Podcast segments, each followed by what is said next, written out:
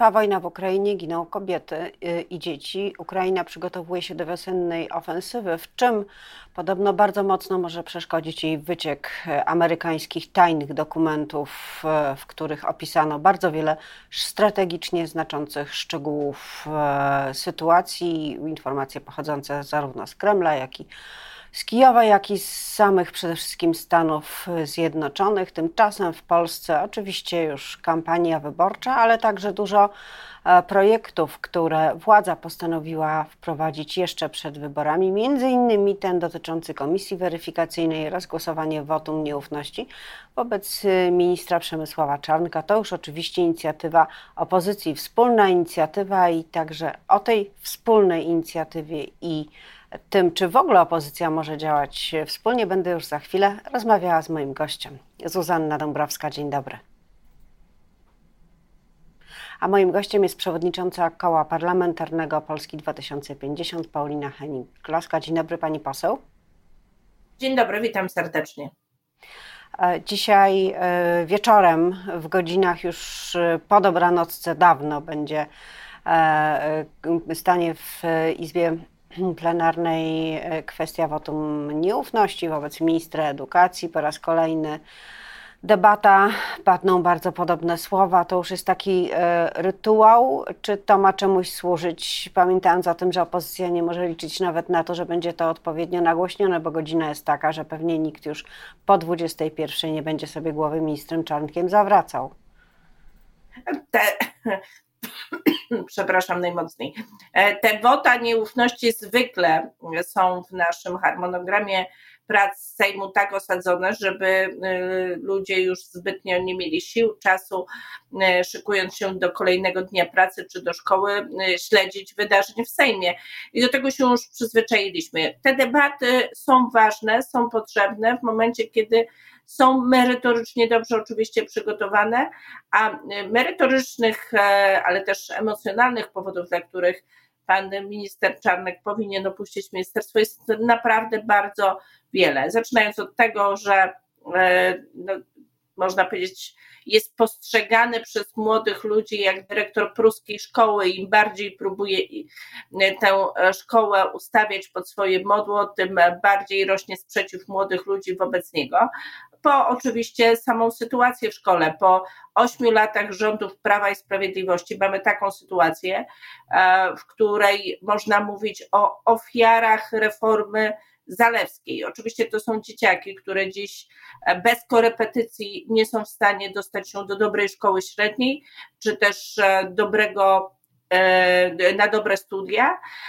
To są dzieciaki, które potrafią mieć tak zduszoną podstawę programową z 9 w 8 lat, że nauczyciele są w niektórych okresach tak zduszać podstawę, że dzieciaki muszą mieć trzy sprawdziany, pięć kartkówek w ciągu jednego tygodnia. Pani to poseł... nie ani dobremu rozwojowi nauki, ani też y, dobremu przygotowaniu młodych ludzi w start w dorosłe życie. Być może rzeczywiście tak jest. Te argumenty są e, znane, tylko po co ta debata, skoro i tak nic z niej nie wyniknie? Po co ten wniosek? Ta debata y, jest prawem opozycji do y, mówienia o tym, że jakiś minister nie wywiązuje się ze swoich obowiązków należycie. To są tradycyjne metody E, stosowane w krajach demokratycznych, do których opozycja ma pełne prawo. Oczywiście no, takie metody potrafią też istotnie wywierać nacisk. Przecież przed chwilą odwołany minister Kowalczyk musiałby się również zmierzyć z wnioskiem o wotum nieufności złożonym przez między innymi Polskę 2050, PSL i Lewicę. E, jeszcze kolejna sprawa, e, przy której będzie testowana większość e, Zjednoczonej Prawicy. Testowana dlatego, że poprzednio się nie udało. Myślę o komisji weryfikacyjnej. To jest kolejne podejście do powołania tego, tego ciała, tej instytucji pozaparlamentarnej. Myśli Pani, że Zjednoczona Prawica może być spokojna o wynik tego głosowania? To, to głosowanie było bardzo długo przedmiotem e, kłótni i sporów wewnątrz Zjednoczonej Prawicy. W sposób oczywisty to ma być teatr polityczny. E, ta komisja niczego nie dowiedzie, ta komisja nic nie ustali, a poza tym, co już zostało napisane na Nowogrodzkiej. My naprawdę dzisiaj zamiast e, teatru politycznego potrzebujemy dobrego zabezpieczenia naszego bezpieczeństwa strategicznego, naszych służb, państwa e, przed działaniem obcego wywiadu. Wywiadu oczywiście mam tu na myśli rosyjskiego, a nie politycznego teatru przed e, wyborami parlamentarnymi, bo rząd ma słabe czy słabsze notowanie. A czy rację mają politycy Platformy Obywatelskiej, mówiąc, że ma to być mechanizm, instrument do tego, żeby piętnować e, Donalda Tuska, żeby zająć się jego osobą i przed wyborami ewentualnie skierować wnioski, co ta komisja robić może, o to, by nie uczestniczył dalej w życiu publicznym. Taki dziesięcioletni zakaz może być wprowadzany wobec osób, e, co do których komisja orzeknie, że ulegały wpływom rosyjskim, realizowały rosyjskie interesy ta y, komisja może istotnie doprowadzić do tego, by taki zakaz wydać, co jest oczywiście niezgodne z polską konstytucją, bo komisja weryfikacyjna nie jest sądem, a tylko sąd może takie postanowienia wydawać. I to jest jakby podstawowy zarzut y, kierowany, jak również może e, karać za y, działanie zgodne z prawem, co jest już w ogóle w demokratycznym państwie prawa totalnym absurdem.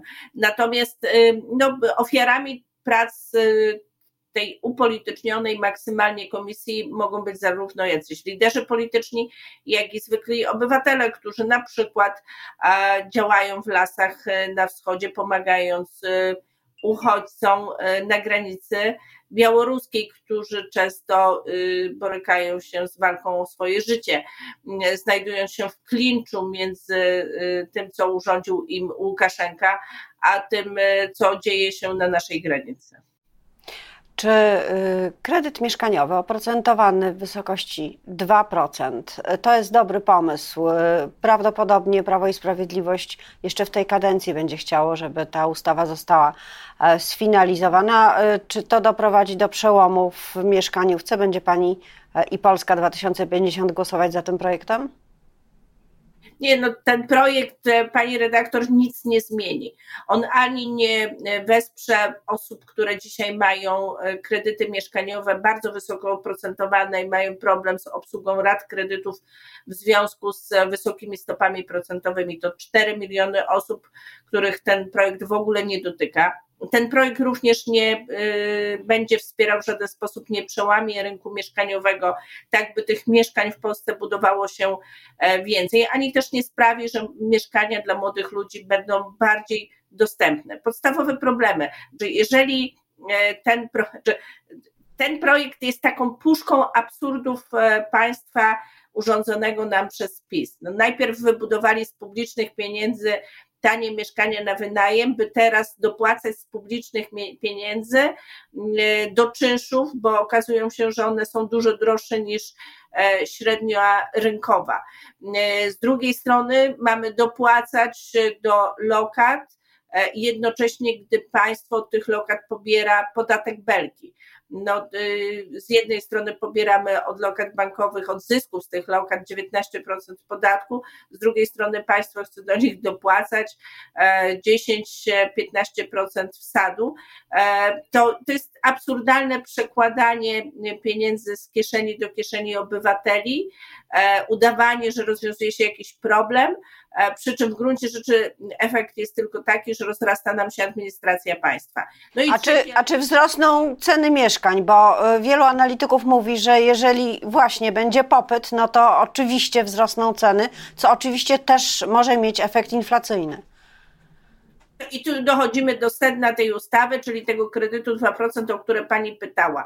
No, y, standardowo to, jest, to są podstawy ekonomii. Jeżeli mamy w Polsce brak mieszkań, głód mieszkań, czyli podaż mieszkań na rynku, ilość tych mieszkań dostępnych, a wiemy, że brakuje ich w Polsce 2 miliony, a zaczniemy dopłacać do ceny tych mieszkań. I to robi właśnie ten kredyt 2%, to liczba chętnych się zwiększa, a liczba mieszkań niekoniecznie, więc po prostu cena wtedy wybija w górę.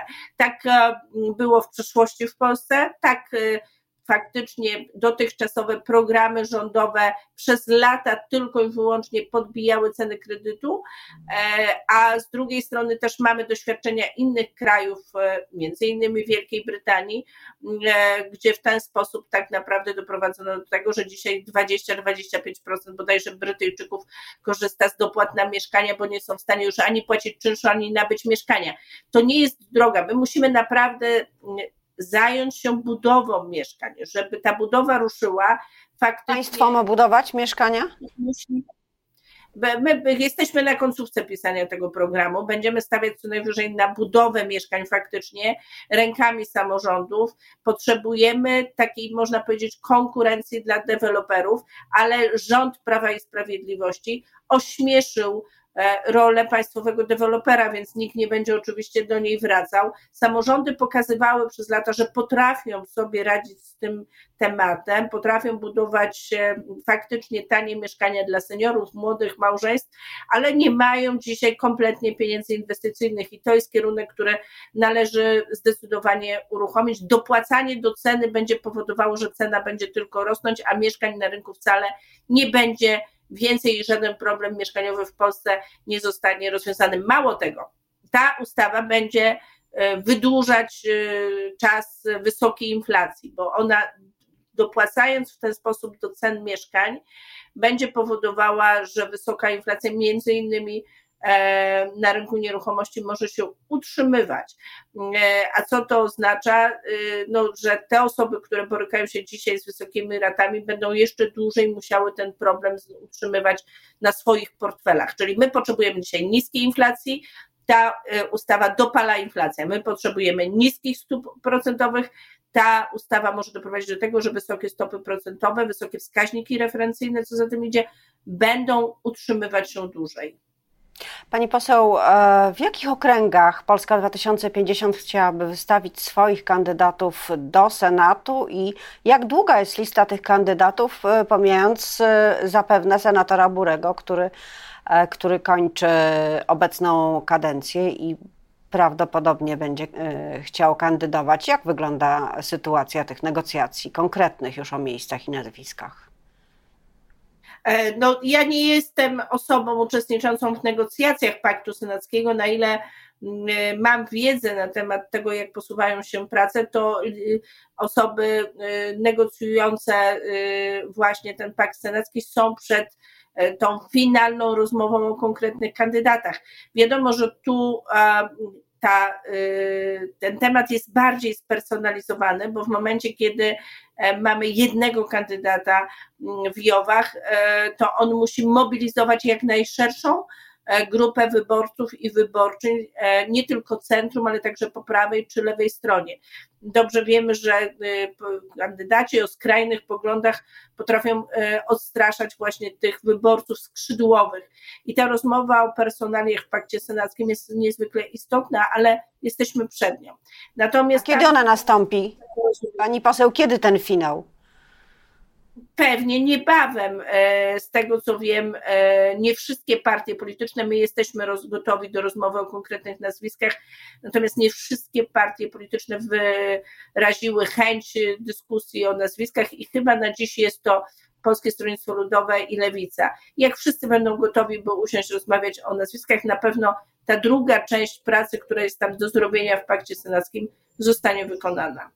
A jak idą w takim razie rozmowy z PSL-em? E, chyba są już na finiszu, skoro no miało być w okolicach świąt, wiadomo jak będzie wyglądała i czy będzie w ogóle wyglądała koalicja. Teraz mówi się o tym, że być może przed majówką, niektórzy jednak dodają szeptem, że raczej po majówce, jak nastroje zostaną nieco y, wyłagodzone y, majowymi grillami, jak pani to widzi? Jest dużo czasu jeszcze do wyborów. Każda rozmowa i każde spotkanie posuwa nas do przodu, a my negocjujemy bardzo szeroką umowę koalicyjną, co wymaga po prostu naturalnie czasu. E, I ten czas jeszcze mamy, więc nie ma powodów, żeby jakoś specjalnie przyspieszać. Ja przypomnę, że to jest bardzo ważna koalicja, bo eksperci mówią, że to jest koalicja która może dać zwycięstwo nad PiSem w kolejnych e, wyborach. Mm, przypomnę, że my robimy taki sojusz, my jesteśmy jako partia, ta najmłodsza na scenie politycznej, z tą najstarszą partią, robimy ten sojusz po to, by z 50 mandatów e, zrobić 70 mandatów, to jest tak zwany efekt Donta, wyrwanych między innymi właśnie Prawo i Sprawiedliwości, byśmy mogli w kolejnym Sejmie faktycznie realizować postulaty, z którymi idziemy do wyborów. To jest główny zamysł, tak? Bo żeby móc realizować nasze żółte postulaty, które są dla nas przepraszam, niezwykle ważne, to musimy po prostu, musi się zmienić władza, bo obecna władza nie jest zainteresowana e, rozmową o postulatach innych ugrupowań, e, reprezentuje tam tylko i wyłącznie swoje własne interesy, coraz bardziej skupione na pchaniu pieniędzy do własnych kieszeni. Pani poseł, pani powiedziała e, o tym, że z rozmowy na rozmowę jest coraz bliżej. To w takim razie kto z kim rozmawia i jakie są terminy tych rozmów? Kiedy będą następne? Bo to jest owiane jakąś e, tajemnicą, a, a w kuluarach słychać, że nie, no, że właściwie rozmów nie ma. E, no nie, to jest oczywiście absolutnie nieprawda. W gruncie rzeczy te rozmowy idą systematycznie, nigdy nie było żadnego impasu, to był tylko i wyłącznie jakiś akt medialny. Natomiast e, te rozmowy, e, one dzisiaj, dzisiaj spotyk, widzieliśmy się we wtorek, dzisiaj spotykamy się ponownie. Wiadomo, że w okresie świąt nikt nie siedział i nie zajmował się negocjowaniem umowy koalicyjnej, więc w naturalny sposób w, w jakimś zakresie nadrabiamy te świąteczne zaległości.